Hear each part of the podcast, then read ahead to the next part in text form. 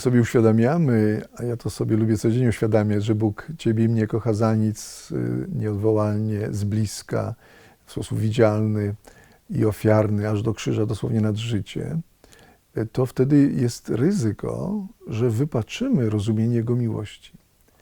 Bo wtedy sobie pomyślimy, chwileczkę, jeżeli mnie Bóg aż tak kocha, mnie i Ciebie, człowieku drugi, no to jest naiwny. To jeżeli mnie kocha za nic, nieodwołalnie i oddaje za mnie życie, nawet jak ja nie kocham, jak sobie kpię z samego Boga, jak go wręcz w ludzkiej naturze na krzyż skazuje, no to jest naiwniakiem, to jest takim strasznie e, potulnym i, i naiwnym kumplem. We wszystkim je musi akceptować, e, już nie tylko tolerować, ale akceptować, we wszystkim ratować, no bo mnie przecież kocha nad życie. No to ja mogę teraz sobie żyć po diabelsku nawet, nawet a on niech mnie ratuje, no i, i musi mnie ratować. Nie, nie to, że chce, musi. Skoro mnie aż tak niesłychanie chciałby się być szaleńczo kocha. Otóż nie. Bóg kocha niesłychanie, chciałby się być szaleńczo, no bo jak nazwać miłość aż, aż nad życie, a jednocześnie kocha mądrze. To jest ta cecha Bożej miłości, o której my księża za mało mówimy. Czasami wręcz w ogóle nie mówimy o tej cesze, że miłość, którą nam Bóg okazuje, jest nie tylko e, za nic, bezwarunkowa, nieodwołalna, ofiarna aż do krzyża, ale mądra. E, I nie tylko sami nie mówimy, ale e, też nie słyszymy o tym od, od innych ludzi i możemy uwierzyć, że miłość, że w ogóle miłość, a miłość Boga najpierw jest naiwnością. Że ten, kto kocha, musi potulnie nam służyć, musi nas potulnie, że tak powiem, ratować. Nawet jak diabelsko postępujemy, no skoro aż tak kocha, no to nie ma wyjścia. Otóż Bóg kocha nas mądrze. Ktoś powie, no nie, no księże Marku, teraz to już ksiądz żartuje. Najpierw nas ksiądz przekonuje i samego siebie, e, że Bóg kocha nas niesłychanie. Powtórzę chętnie, bo to ratuje życie i mnie i tobie. Że kocha za nic nieodwołalnie, z bliska, widzialnie, ofiarnie aż do krzyża. A teraz próbuje nam ksiądz mówić, że kocha mądrze. No, albo, albo. Otóż yy, rozumiem takie wątpliwości, by zgodzić się, że Bóg kocha jednocześnie nad życie i mądrze, bo my, ludzie, mamy z tym problemy, żeby połączyć obie te cechy miłości. Ofiarna, nieodwołalna miłość, a jednocześnie mądra. My, mężczyźni, łatwiej, jeśli już kochamy, daj Boże, łatwiej okazujemy miłość w miarę, w mądry sposób, ale nie jesteśmy aż tak ofiarni, tak serdeczni, jak kobiety, czy jak sam Jezus, aż do dania życia. Z kolei kobiety łatwiej są podobne do Jezusa, gdy chodzi o miłość ofiarną, serdeczną, czułą, wytrwałą, okazywaną e, tak widzialnie przez obecność, ofiarność, serdeczność, ale potrafią być naiwne, zwłaszcza wobec tatusiów, wobec mężów, czy wobec synów, czy wobec braci e, w kryzysie.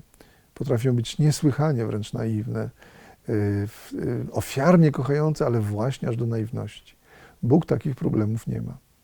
To, co jest nam y, trudne, dla Boga jest łatwe, mówiąc tak po ludzku. To nie Bóg jest podobny do nas, to my podobni do Niego. I jeżeli my z czymś mamy problemy, to nie znaczy, że On ma problemy takie ludzkie. Otóż Bóg genialnie, mówiąc po ludzku, łączy miłość ofiarną, nieodwołalną nad życie z miłością mądrą. Jak to jest możliwe?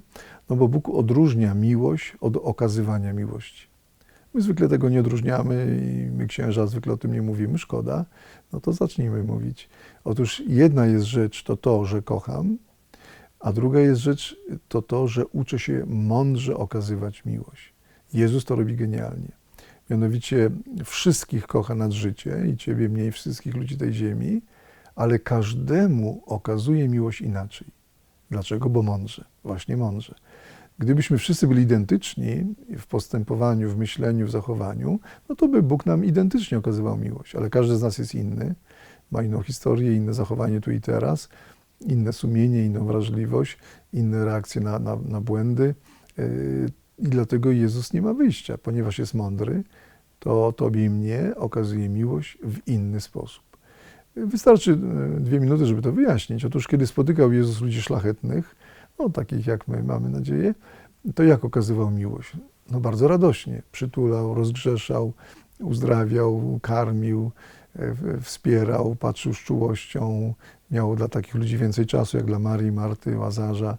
E, szedł do nich pieszo tam parę dni, przebywał z nimi godzinami, umacniał ich, bo byli mocni, bronił przed krzywdą i krzywdzicielami. E, Ktoś powie, no tylko tak można okazywać miłość, e, właśnie tak serdecznie, wspierająco, ale gdzież tam? Gdybyśmy tylko tak umieli okazywać miłość, to byśmy świetnie okazywali miłość ludziom szlachetnym, ale byśmy w ogóle nie umieli okazywać miłości pozostałej części ludzkości. Kiedy Jezus e, spotykał drugą grupę ludzi, mianowicie grzeszników, tych, którzy bardzo grzeszyli tu i teraz, to jak okazywał miłość? Zupełnie inaczej niż w pierwszej grupie. Nie przytulał, nie patrzył z czułością, nie stawiał za wzór, nie chronił, nie uzdrawiał, e, nie karmił, tylko upominał. Nie tolerował też, nie, nie akceptował. To są pogańskie słowa, nie, nie tylko upominał. Albo się nawrócicie, albo marnie zginiecie. Bo wiedział, że to jest to upominanie jest im konieczne, bo inaczej marnie zginą. No jeżeli kocham, to nie chcę, żebyś marnie zginął, żebyś w ogóle zginął, więc cię upominam. To jest forma miłości. Nie jedyna wtedy, ale podstawowa w tym momencie. E, Nie błądź, bo nie grzesz, bo inaczej będzie marny twój los. A ja nie chcę, żeby był marny, bo cię kocham. I ostatnia grupa, mianowicie krzywdziciele. No, tych ludzi najtrudniej kochać. Tych, którzy próbują nas krzywdzić. No, Jezusa wręcz śmiertelnie e, skrzywdzili. E, Otóż w jaki sposób okazywał Jezus miłość krzywdzicielom? No tu będzie największe zaskoczenie. E, Kiedy to odkrywałem też osobiście, czytając Ewangelię po raz tysięczny czy dwutysięczny, też byłem zaskoczony. Mianowicie Jezus okazuje miłość krzywdzicielom przez to, że się przed nimi broni. Prawda, że zaskakujące. No ale to robi Jezus. Jezus się cały czas bronił. Bronił się na przykład tam, gdzie go chcieli strącić ze skały, gdzie nauczał. Tak popatrzył, że się rozstąpili. Czasami się chował w świątyni.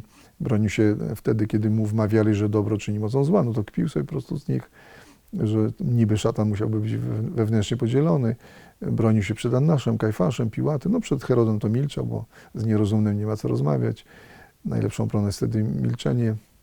Bronił się przed żołnierzem, który go uderzył w twarz. Nie nadstawił drugiego policzka, tylko twardo się bronił. Albo udowodnisz, że źle mówi, albo czemu mnie bijesz. Ktoś powie, no rzeczywiście, poza tym wyjątkiem w Ogrójcu i na krzyżu, ale to wyjątek, gdzie się pozwoli skrzywdzić, to już wiemy, z miłości nad życie do nas, to w normalnych sytuacjach się bronił. Ktoś powie, no ale gdzie tu jest miłość, jak, ja, jak się bronię przed krzywdzicielem? To właśnie w tym, że się bronię. Bo kiedy się bronię przed krzywdzicielem, nie przestając kochać, nie mszcząc się, ale się bronię, to kocham krzywdziciela, bo ma mniej ofiar na sumieniu. A kto ma więcej ofiar na sumieniu, kto dłużej krzywdzi na przykład swoich bliskich, ten łatwiej wpadnie w rozpacz i nie uwierzy już, że może się nawrócić, że może dostąpić miłosierdzia i Bożego, i, i ludzkiego. Więc kiedy się bronimy przed krzywdzicielami, powtarzam, nie mszcząc się, nie przestając kochać, ale bronimy e, właśnie w tej mądrej miłości, to jesteśmy dla krzywdzicieli błogosławieństwem. Mają mniej ofiar na sumieniu i łatwiej mogą się zastanowić i zmienić, kiedy widzą, że my, którzy kochamy, musimy na przykład na nich wzywać policję, czy się od nich separować.